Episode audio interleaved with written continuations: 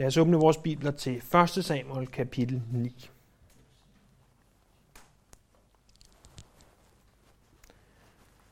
Sidste gang så vi i kapitel 8, at Samuel var blevet gammel. Samuel havde sat sine to sønner til at være dommere nede i Beersheba, men det var ikke nogen succes, for at sige det mildt. De øh, tog imod bestikkelse, de, øh, ja, de svindlede og snød simpelthen til deres egen fordel, og det blev folket træt af, så folket kom til Samuel og sagde, vi vil have en konge. Det var ikke i Guds plan at give dem en konge, i hvert fald på det tidspunkt. Så Gud sagde til dem, hvis I vil have en konge, så skal I vide, hvad det vil sige at have en konge. For en konge, siger han til folket gennem Samuel, så øh, vil han være streng med jer. Og øhm, Samuel fortæller dem det så, og de siger, jamen vi vil have en konge. Vi vil ikke lytte på, hvad du siger, Gud. Vi vil lytte til, hvad vi siger. Og så læser vi i kapitel 9, vers 1-2. I Benjamin boede en velstående mand, der hed Kish. Han var søn af Abiel, søn af Seror, søn af Bekarot, søn af Benjamin, 19 Afia. Han havde en søn, der hed Saul. Han var en smuk ung mand. Ingen af israelitterne var smukkere end han. Han var et hoved højere end alt folket. Du skal ikke have læst din bibel ret meget før, at du har fundet ud af, at Saul han ville blive den første konge i Israel. Vi hører her om ham, at hans familie kom fra Benjamin. Benjamin er et af de landområder, som Israel blev inddelt i. Det var et lille område. Det er et område, der grænser op til Juda mod syd og til øh, Josefs to sønner Ephraim og Manasseh mod nord. Det er et relativt lille område, og i den aller sydligste del af Benjamin, på grænsen til Juda, der ligger til gengæld en meget vigtig by, nemlig Jerusalem. Fra 1. krønikebog kapitel 8, der lærer vi, at Sauls familie kom fra et by, der hedder Gibeon. Det er cirka 10 km, små 10 km nord for Jerusalem. Her bliver vi også givet noget af Sauls slægt, ligesom vi gør her i 1. Samuels bog. Og sammenligner vi de to, så, så vil vi ikke direkte kunne øh, måle dem op imod hinanden, men det er ganske normalt, i, når israelitterne de tog deres stamtavler og nedskrev dem, for de kunne sagtens finde på at springe led over, adskillige led ind imellem. Så øh, det er lidt, hvem man har valgt at tage med, og hvem man har valgt at sige, ham her, min oldefar var vigtig, men min tipoldefar var ikke vigtig, men min tip tipoldefar han var vigtig. Sådan kunne de godt finde på at lave en slægtstavle. Saul han havde det meste af, hvad verden anser for godt og rigtigt. Han havde alt det, man vil se efter i en konge. I hvert fald, når det kom til det ydre. Han var ganske vist fra en lille, ubetydelig familie i Israel, men hans familie var velhavende. Verden lå for hans fødder. Saul, han var smuk. Han var høj, han var meget høj. Der står faktisk, at han var et hoved højere end alle andre. Sidste gang, der lærte vi, at Samuel han var blevet gammel. Og øh, ud fra bibelkommentatorerne, der så vi, at han var omkring 60 år. Der står her, at Saul han var ung, og ud fra bibelkommentatorerne, der var han omkring 35. Så øh, ingen kommentar om det i øvrigt, det er ikke noget, jeg har fundet på, men 35 er altså ung, og 60 er gammel ifølge 1. Samuel 8 og 9. Det må vi jo så lægge i, hvad vi vil. Sauls navn betyder eftersport. Det går i spænd med, at folket efterspurgte en konge. Det var et navn, som man sagtens kunne finde på at give sin første fødte søn, fordi man havde spurgt herren om en søn, og man fik så en søn, og så gav man ham navnet efterspurgt. Men Saul var også efterspurgt af folket i det, de havde spurgt Gud om en konge. Til trods for, at Gud lader Saul salve, som vi skal se det næste gang, øh, så er det her et respons på folkets krav. Folket, som ønsker sig en konge i det ydre, men er ligeglade med det indre. Lad så læse vers 3-10. Sauls far Kish havde nogle æsler. Da de engang var løbet væk, sagde Kish til sin søn, tag en af karlene med dig og gå ud og led efter æslerne. De gik så igennem Efraims bjergland, og de gik igennem Shalisha-egnen, men fandt dem ikke. Så gik de igennem Shalim-egnen, men der var de heller ikke. Så gik de igennem Benjamins land, men de fandt dem ikke. Da de kom til Sufaren, sagde Saul til Kalen, der var med ham, kom, lad os gå hjem, ellers holder min far op med at tænke på æsterne og bliver i stedet bekymret for os. Men han svarede, hør engang, i byen der bor der en gudsmand. Han er en anset mand. Alt, hvad han forudsiger, indtræffer virkelig. Lad os gå derhen. Måske vil han give os besked angående vores ærne. Saul sagde til Kale. Ja, men hvad her skal vi give manden, hvis vi går derhen? Vi har jo ikke mere brød i vores tasker og ingen gave til gudsmanden. Vi har ingenting. Kalen blev ved. Jo, jeg har en kvartsikkel sølv på mig. Den kan jeg give gudsmanden, så han kan give os besked angående vores æren. Før i tiden sagde man i Israel, når man gik hen for at rådspørge Gud, kom lad os gå til seeren. For det, man i dag kalder en profet, kaldte man før i tiden en seer. Saul sagde til Kalen, det er et godt forslag. Kom, lad os gå derhen. Så gik de hen til byen, hvor gudsmanden boede. Så Sauls far Kish, han har nogle æsler. Og så tænker du måske, hvad så? Men æsler dengang, de indikerede velstand. Æslerne var, ser du, øh, det primære arbejdsdyr, som man brugte i marken. Og således, jo flere æsler, jo mere velstand, fordi jo flere, så at sige, majtærsker og traktorer havde du. Øh, fra det hebraiske så indikeres det her, at det er hundæsler. De blev altså specifikt brugt til at avle på, således at man kunne få flere æsler. Hundæslerne havde også typisk lidt mere frihed end øh, hanæslerne, som bare skulle arbejde, igen uden sammenligning i øvrigt. Og øh, der var ikke nogen sammenligning, der skulle ikke grines. Øh, men derfor så kunne hundæslerne også lettere stikke af. Øh, de havde den her lidt mere frihed. Og når nu de her æsler var forsvundet, så stod familiens velstand altså på spil. Og Kish, han siger så til Saul, kan du tage afsted? Det er vigtigt for os, at vi får dem her tilbage. Så du tager en Karl med, og så øh, tager I afsted og, og finder de her æsler. Den rute, som vi nogenlunde kan stykke sammen ud af det her, de har gået, det har været en rute, der gik først fra området omkring øh, Gibeon ned imod Jericho. Og, og for de af der måtte have været så privilegeret at være i Israel, så ved I, at, at fra Jerusalem ned imod Jericho, der er ørken. Der er varmt, der er ubehageligt meget vejen. Og derfra drejer de igen tilbage ind i, øh, i bjerglandet og, øh, og kommer op i bjergene og stiger altså mange højdemeter op og øh, går i noget uvejsomt terræn. Øh, så vidt jeg har kunnet regne mig frem til, har de cirka gået omkring 50 km, og hvad vi kan læse fra senere kapitler, i løbet af et par dage. Øh, de kommer så til, øh, til Rama. Ironisk nok, så er turen fra Gibeon, hvor Saul boede, til Rama, hvor at Samuel opholdt sig, ikke meget mere end 5 kilometer. Jeg ved ikke med dig, men det her kan godt minde lidt om, hvordan mit kristne liv tit er.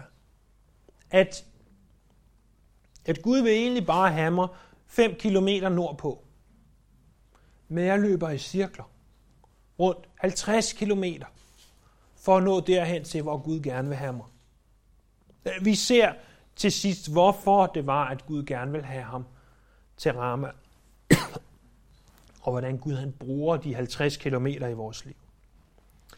Da de så var kommet i området omkring Rama, så siger ham her Karlen der, i bedste hvem vil være millionærstil, øh, skal vi ikke lige bruge en livline for at finde de her æsler?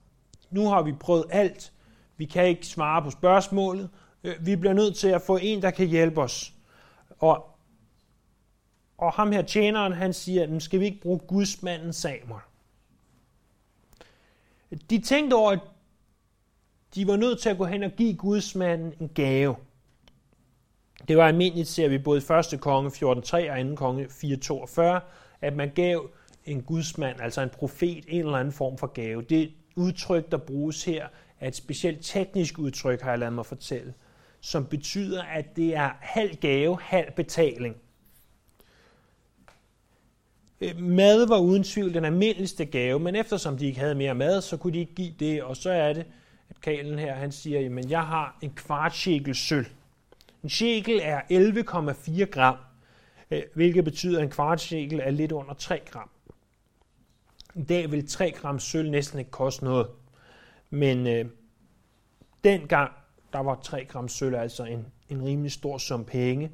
Og øh, Karlen her, han var, han var villig til at give en stor sum penge for øh, at få svar på, hvor æslerne var. Og der i vers 9, der får vi så en kommentar fra, muligvis er det fra Samuels bogens forfatter, eller også så har det faktisk oprindeligt været en sidenote. Der står, at før i tiden sagde man i Israel, når man gik hen for at rådspørge Gud, kom lad os gå til seeren. For det er det, man i dag kalder en profet. Hvis det er Samuel selv, der har skrevet den her bog, øh, i hvert fald den her del af bogen, så har han ikke skrevet den her kommentar. Så er det noget, senere skriftklog har skrevet ud i marken, og, og så kommenteret, men det kan også godt være, at det ikke er Samuel, der har skrevet bogen nødvendigvis. Vi kan ikke være 100% sikre. Så kan det godt være noget, man har inkluderet. De kommer så til byen. Og så ser vi så i vers 11-14, at de ankommer til Rama. Da de gik op ad vejen til byen, mødte de nogle piger, som var på vej ud for at hente vand. Og dem spurgte de, om seeren var der. De svarede, ja, han er lige kommet. Skynd dig, han er kommet til byen, fordi folk i dag holder slagtoffer på offerhøjen. Så snart I kommer ind i byen, vil I møde ham, inden han går op til offerhøjen til måltid. Folk begynder nemlig ikke at spise, før han kommer for han skal velsigne slagtofferet. Først så kan gæsterne begynde at spise. Gå bare derop, for det er nu, I kan møde ham. Så fortsatte de op til byen, og da de var nået ind i den, kom Samuel gående imod dem på vej op til offerhøjen. Ligesom vi ser forskellige andre steder i Bibelen, så var det her kvinderne, der hentede vand. Og øh, vi ser også forskellige andre steder i Bibelen, at det er et godt sted at spørge folk om noget, og i øvrigt var der mange, der også endte med at blive gift på grund af møde ved en brønd. Det er ikke det, der er tilfældet her. Øhm, Samuel han var lige kommet tilbage til Rama, formodentlig fra en af de her dommerrunder, han gjorde, hvor vi læste for nogle gange siden, han gik den her rundkreds rundt til forskellige byer. Og det var altså tid til at foretage et offer, og der var den her offerhøj. På offerhøjen har vi tidligere også læst, at Samuel havde bygget et alter. Desværre så var offerhøjene tit også en anstødsten, altså noget, som gjorde, at Israel faldt i synd, ved at de begyndte at ofre til andre guder, og de tilbad andre guder. Men her, der ser vi, at den bliver brugt til at tilbe Herren. Vi ser også, at pigerne taler om, at folket vil ikke spise, før Samuel har takket for maden. Og, og det er jo netop en, en skik, kan vi sige, som, som vi stadigvæk bruger i dag, at vi takker for vores mad. Ikke fordi vi skal, men fordi vi er taknemmelige til Herren, og det er en god måde og, og en god øh, øh, hvad kan vi sige, øh, anledning til at, at lige stoppe op og bede til Herren øh, to eller tre gange om dagen, afhængig af, eller fem, afhængig af, hvor mange gange du spiser om dagen. Øhm, personligt fik jeg i dag kun to måltider. Det ene kunne næppe regne som en måltid. Det var nemlig en halv skål chips. Det, det, det takker man ikke for. Man takker ikke for noget, man ved er meget, meget usundt. Men jeg var doven. Øhm, så, så ser vi så videre i vers 15-17. Dagen før Saul kom, havde Herren talt til Samuel og sagt, I morgen vil jeg sende en mand fra Benjamins land til dig. Ham skal du salve til fyrste over mit folk og han skal frelse mit folk for filisterne. For jeg har set mit folks nød, og dets klageskrig har nået mig. Så snart Samuel fik øje på Saul, sagde Herren til ham, det er den mand, jeg talte til dig om. Han skal herske over mit folk. Samuel havde jo haft de her problemer med sine børn, så vi sidste gang. Og, øh, og til trods for, at han havde det, til trods for, at tingene i hans familie ikke kørte, som de kunne, så taler Herren stadigvæk til ham. Og det er egentlig en rigtig vigtig pointe. At selvom om, alt ikke nødvendigvis er, som det skal være, for eksempel øh, er udefra kommende ting i dit liv, det kunne være, at, at dine børn ikke tror på, på Gud, og, og du føler måske, at det er din skyld, så kan Gud stadigvæk tale til dig. Så kan du stadigvæk have et forhold til Herren. Igen ud fra det hebraiske. Jeg kan på ingen måde hebraisk, men jeg har lavet mig fortælle, at der bliver visket i øret på Samuel, her står der. At Gud visker det her ind i øret på ham. Det gør han, fordi det er kun Samuel, der ved det på det her tidspunkt. Dagen før, at, at Saul kommer, der har Gud altså visket i øret på Samuel. Ham her, han skal være fyrste over mit folk. Det er ham, som skal være øh, konge ser vi. Han bliver salvet til konge i kapitel 10, vers 1. Den fyrste her betyder en, der giver, der gives rank over andre. Altså en, der gives at bestemme over andre. Det er det, han skal være. Og så slutter kapitlet sådan her. I byporten henvendte Saul sig til Samuel og spurgte, kan du sige mig, hvor seerens hus ligger? Samuel svarede, det er mig, der er seeren. Gå i forvejen op på offerhøjen, så kan I spise sammen med mig i dag. I morgen vil jeg følge dig på vej, og så skal jeg give dig besked om alt, hvad der ligger der på sind. Æslerne, som løb væk for tre dage siden, skal du ikke bekymre dig om. De er fundet. Men hvem skal alt værdifuldt i Israel tilhøre, hvis ikke dig og hele din fars hus? Saul svarede, jamen jeg er kun en Benjamit, og jeg kommer fra Israels mindste stamme, og min slægt er den mest ubetydelige af alle slægter i Benjamins stamme. Hvordan kan du da så sige så noget til mig? Men Samuel tog Saul og kælen med og førte dem ind i salen og gav dem plads øverst blandt gæsterne, der var omkring træet. Samuel sagde til kokken, kom med det stykke, jeg gav dig besked om, og lægge det til, og lægge til side. Kokken tog da lårstykket, løftede det op og satte det for Saul og sagde, her har du det, der er lagt til side. Spis nu, for det er gemt til dig til dette øjeblik. Den dag spiste Saul sammen med Samuel. Derpå gik de ned fra offerhøjen til byen. Oppe på taget blev der ret en seng til Saul, og han lagde sig til at sove. Da det blev lyst, råbte Samuel op til Saul. På taget stod op, jeg vil følge dig på vej. Så stod Saul op, og han og Samuel gik ud sammen. Da de kom til udkanten af byen, sagde Samuel til Saul, giv kalen besked om at gå i forvejen og bliv her selv et øjeblik, så vil jeg kun gøre dig, hvad Gud har sagt. Byporten var det normale sted, at både for informationer, men også hvor at, at byens ældste opholdt sig. Og øh, derfor så tænker Savn, at hvis jeg skal have besked om, hvor ham her seeren bor, så spørger jeg i byporten. Men han møder altså øh, øh, faktisk Samuel der. Samuel han giver sig til kende, og han siger fire forskellige ting til Saul. Han siger, for det første, du kan spise med mig i dag. For det andet siger han, i morgen så vil jeg følge dig på vej, og så har jeg noget, jeg godt vil tale med dig om. For det tredje, du skal ikke bekymre dig om de der æsler, de er fundet. Og for det fjerde, så vil jeg give dig en forsmag på, hvad det er, jeg vil tale med dig om i morgen. Nemlig, at alt værdifuldt i Israel skal tilhøre øh, dig og din fars hus. Sauls umiddelbare reaktion på, at alt skulle tilhøre ham og hans fars hus, det gav slet ikke mening for ham. Han sagde, jamen, vi er fra den mindste stamme, og min familie i den stamme er den mest ubetydelige. Det kan ikke være mig. Det kan ikke være mig. Øh, Samuel han besvarer ikke Sauls øh, respons her med noget, men i stedet for så leder han ham til fest, Øh, her der får både Saul og ham her, Kalen der, de får øh, bord blandt gæsterne, og de kommer til at sidde til det, vi vil kalde højbords. Øh, der var kun 30 gæster i alt. Samuel havde på forhånd planlagt, at Saul han skulle have øh, det, som er lovstykket. Lovstykket, hvor vi blandt andet får roast beef, der øh, havde kokken lagt det her til side ifølge Moseloven, der skulle lovstykket egentlig gives til præsterne.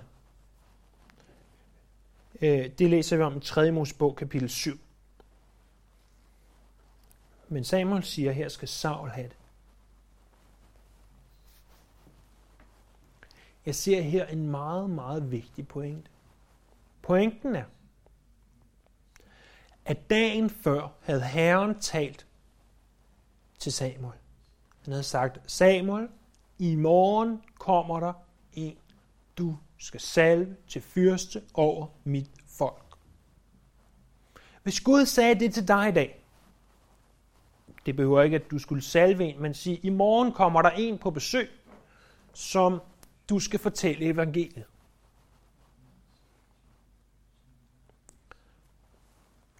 Eller du skal gøre et eller andet. Hvis Gud havde sagt det, vil du så i tro gå ud og købe den bedste roast beef og bede til, at personen ikke var vegetar i øvrigt, og så gøre klar til, at personen kom. Pointen er, at Samuel handlede på Guds ord. Gud talte, og Samuel handlede. Han var ikke alene en ordets hører, han var også ordets gør. Han lyttede til Gud, og så gjorde han og responderede derpå. Det er sand tro. Sand tro er ikke blot at sidde med løftede hænder og lukkede øjne. Sand tro er at høre, hvad Gud har at sige, og så handle på det. Nu da det er den sidste gudstjeneste, vi har i året, så er det vel også passende at, og sige, hvad kan, kan vi gøre anderledes i det nye år? Jeg håber, det må være for hver en af os, at når vi tror og fornemmer, at Gud siger noget til os, at vi så også handler på det. Hvis du kommer til Guds tjeneste, bibelstudie, og du føler, at Gud han sagde noget til dig, så lad være med at glemme det. Og hvis du har tendens til at glemme, så ved jeg, at de fleste af os har de her smartphones. Øh, nu taler de om, at smartphones rent faktisk gør os dummere, så det kan vi jo så bruge til, hvad vi vil. Men en ting, det kan gøre for os, det er, at det kan hjælpe os til at huske ting. Så skriv det ned. Hvis, hvis Gud siger til dig, ring til ham her. Øh, skriv til hende her. Øh, ændre den her vane i dit liv. Gør det her. Så skriv det ned. Sørg for, at det står et sted, så du ved, at du ikke glemmer det. Og, og handle på det.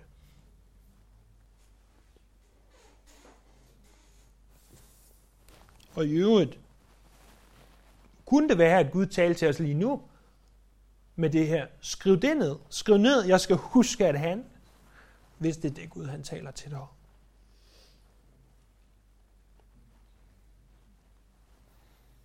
Til den her fest, der ser vi, at Saul og Samuel spiser sammen.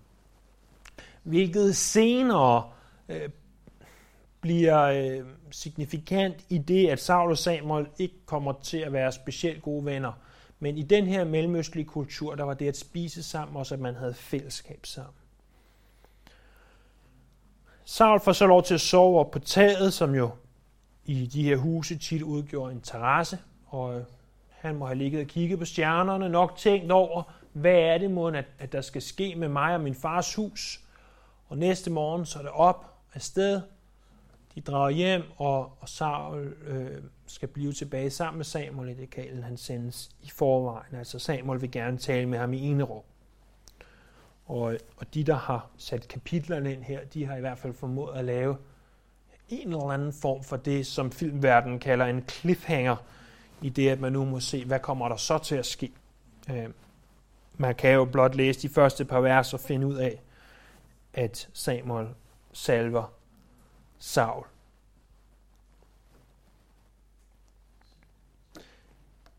Her til slut vil jeg godt konkludere to ting. Først vil jeg konkludere noget om Saul. Til sidst vil jeg konkludere noget om Gud. Saul, han havde det hele. I hvert fald næsten. Han havde alt det, som, som vi går og i vores kødelige jeg sukker efter. Han havde en god familie.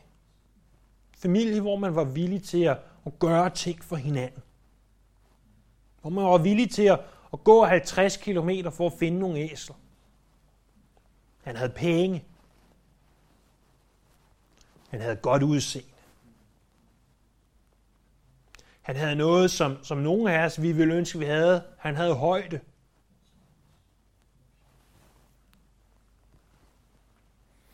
Han havde faktisk også ydmyghed. Han siger, jeg kommer fra en, jeg kommer fra en lille stamme. Jeg er jo ikke noget.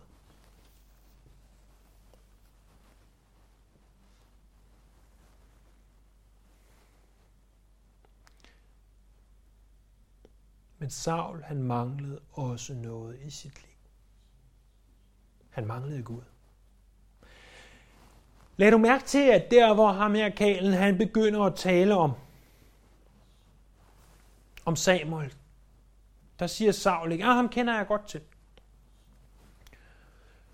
Forestil dig, at, at der fem, lad os bare for at sige nogle større tal, 30 kilometer herfra, boede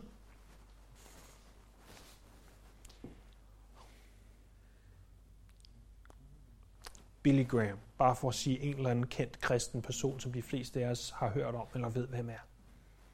Det, det vil være nogenlunde det, det vil svare til. Lad os sige, at han boede 25-30 km herfra. Og så møder du en mand, der siger, øhm, øh, nu har vi lige i nærheden af Billy Grahams hus. Skal vi ikke lige tage ind og sige hej til ham? Hvem snakker du om? Saul havde ingen idé om, hvad der foregik. Han havde ingen idé om, at den her gudsmand, øh, siddende dommer nærmest, og ypperste præst på samme tid virker det som, at han boede blot et stenkast fra hans hjem. Det ragede ham langsomt, for at sige det på moderne dansk. Noget andet, som fangede mit blik, var også, at han siger, Jamen, jeg er den mindste stamme. Saul, Saul, Saul.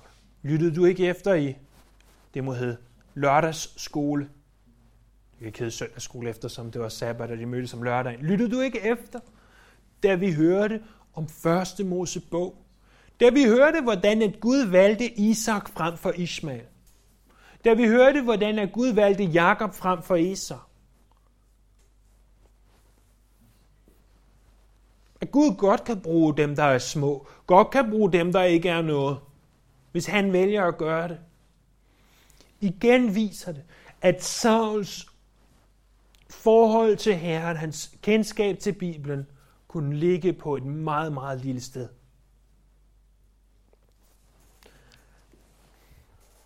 Det er også derfor, at vi kommer til at se, at Saul han, han fejler igen og igen. Saul var folkets valg. Han havde alt det ydre, men han havde ikke det indre.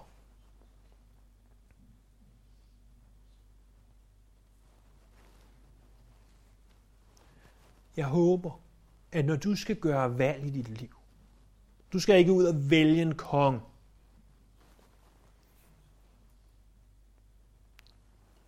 Men det kan være, at vi skal gøre andre valg i vores liv. Og gør vi de valg, så lad os lade være med at vælge efter det ydre, men efter det indre.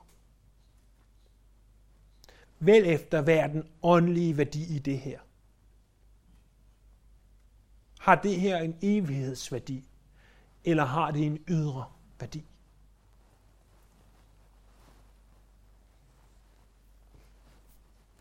Så det tror jeg sådan set er lige fra Øh, hvem skal jeg giftes med, til, til hvad for et arbejde skal jeg have, til hvad for noget alt muligt andet, øh, vi nu kan gøre, hvilke venner skal jeg have osv. Saul blev ganske vist den første konge, men han underkastede sig ikke kongernes konge.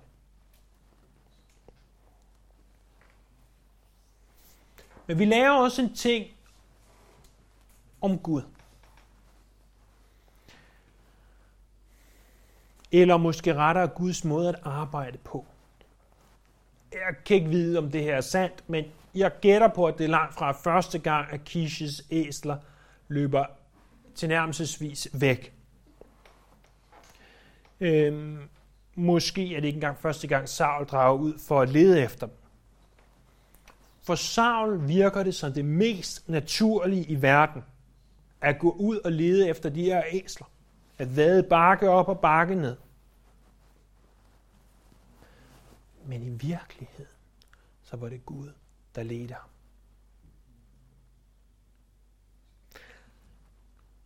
Der er en, en gammel bibelkommentator, der hedder Blakey. Og han skriver, at når Gud virker, så virker han ofte i det stille.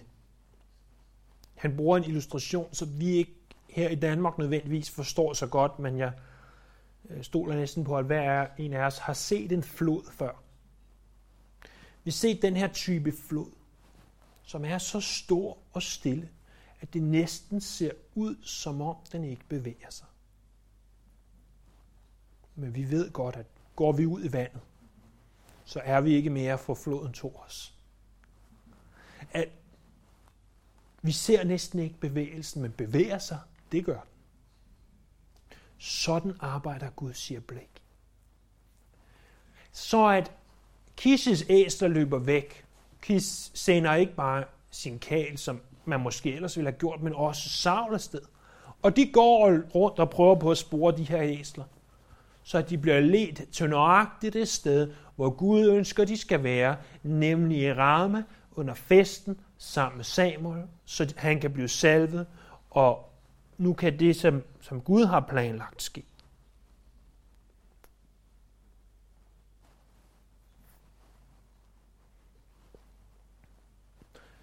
Jeg kunne tage hver en af os, der er til stede her, og sige ting om os, hvordan at Gud har lagt ting til rette i vores liv.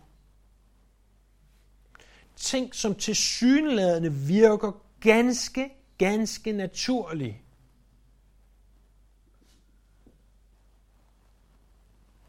Men som er Guds måde at arbejde på.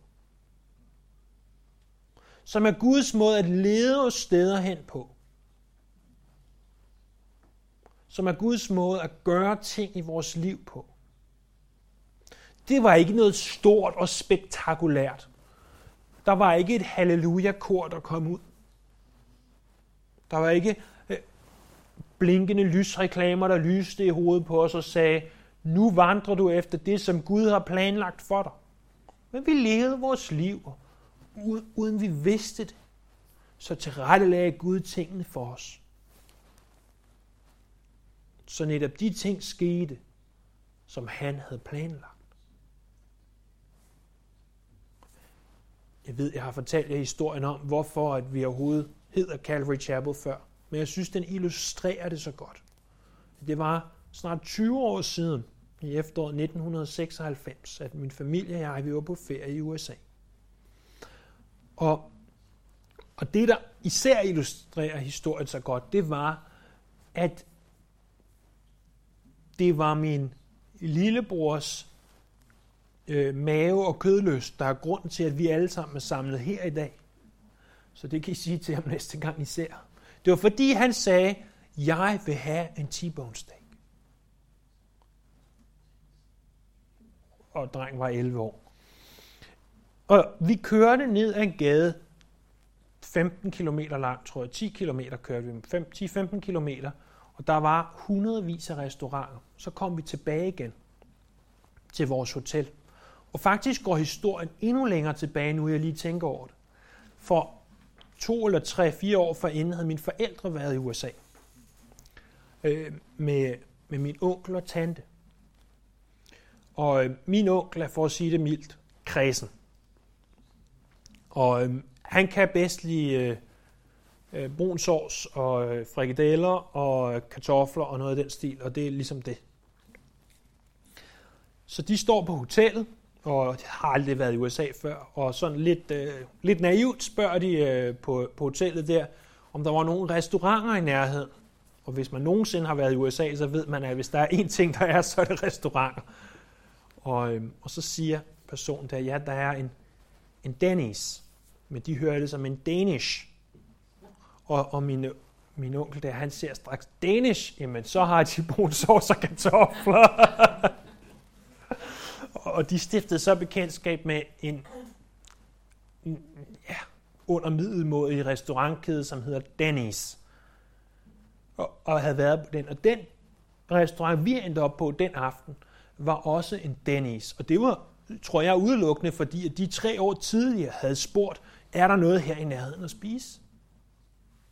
Og som der, og så som i fleste af jer sikkert har hørt historien, kommer vi ind, spiser i det, vi skal tage ud, og min mor betaler, og min far kigger sig rundt, så sidder der nogle mennesker med en bibel. Og en af de mennesker spørger min far, you born again? Altså, er du født på ny? Og min far siger på sit bedste skoleengelsk, yes I am.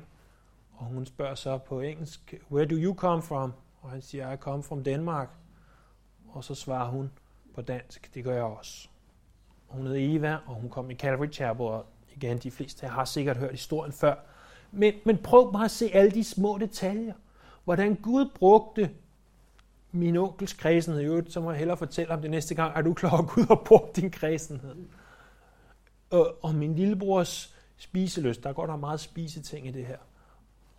Og, og vi var der på det tidspunkt, på den dag. Og det er en måde, hvorpå Gud han sørger for, at de ting, der skal ske, de sker. Så næste gang du siger, åh, det var bare en tilfældighed. Tilfældigvis skete det her. Der er ikke noget, der hedder tilfældigheder, venner. Ikke Guds rige.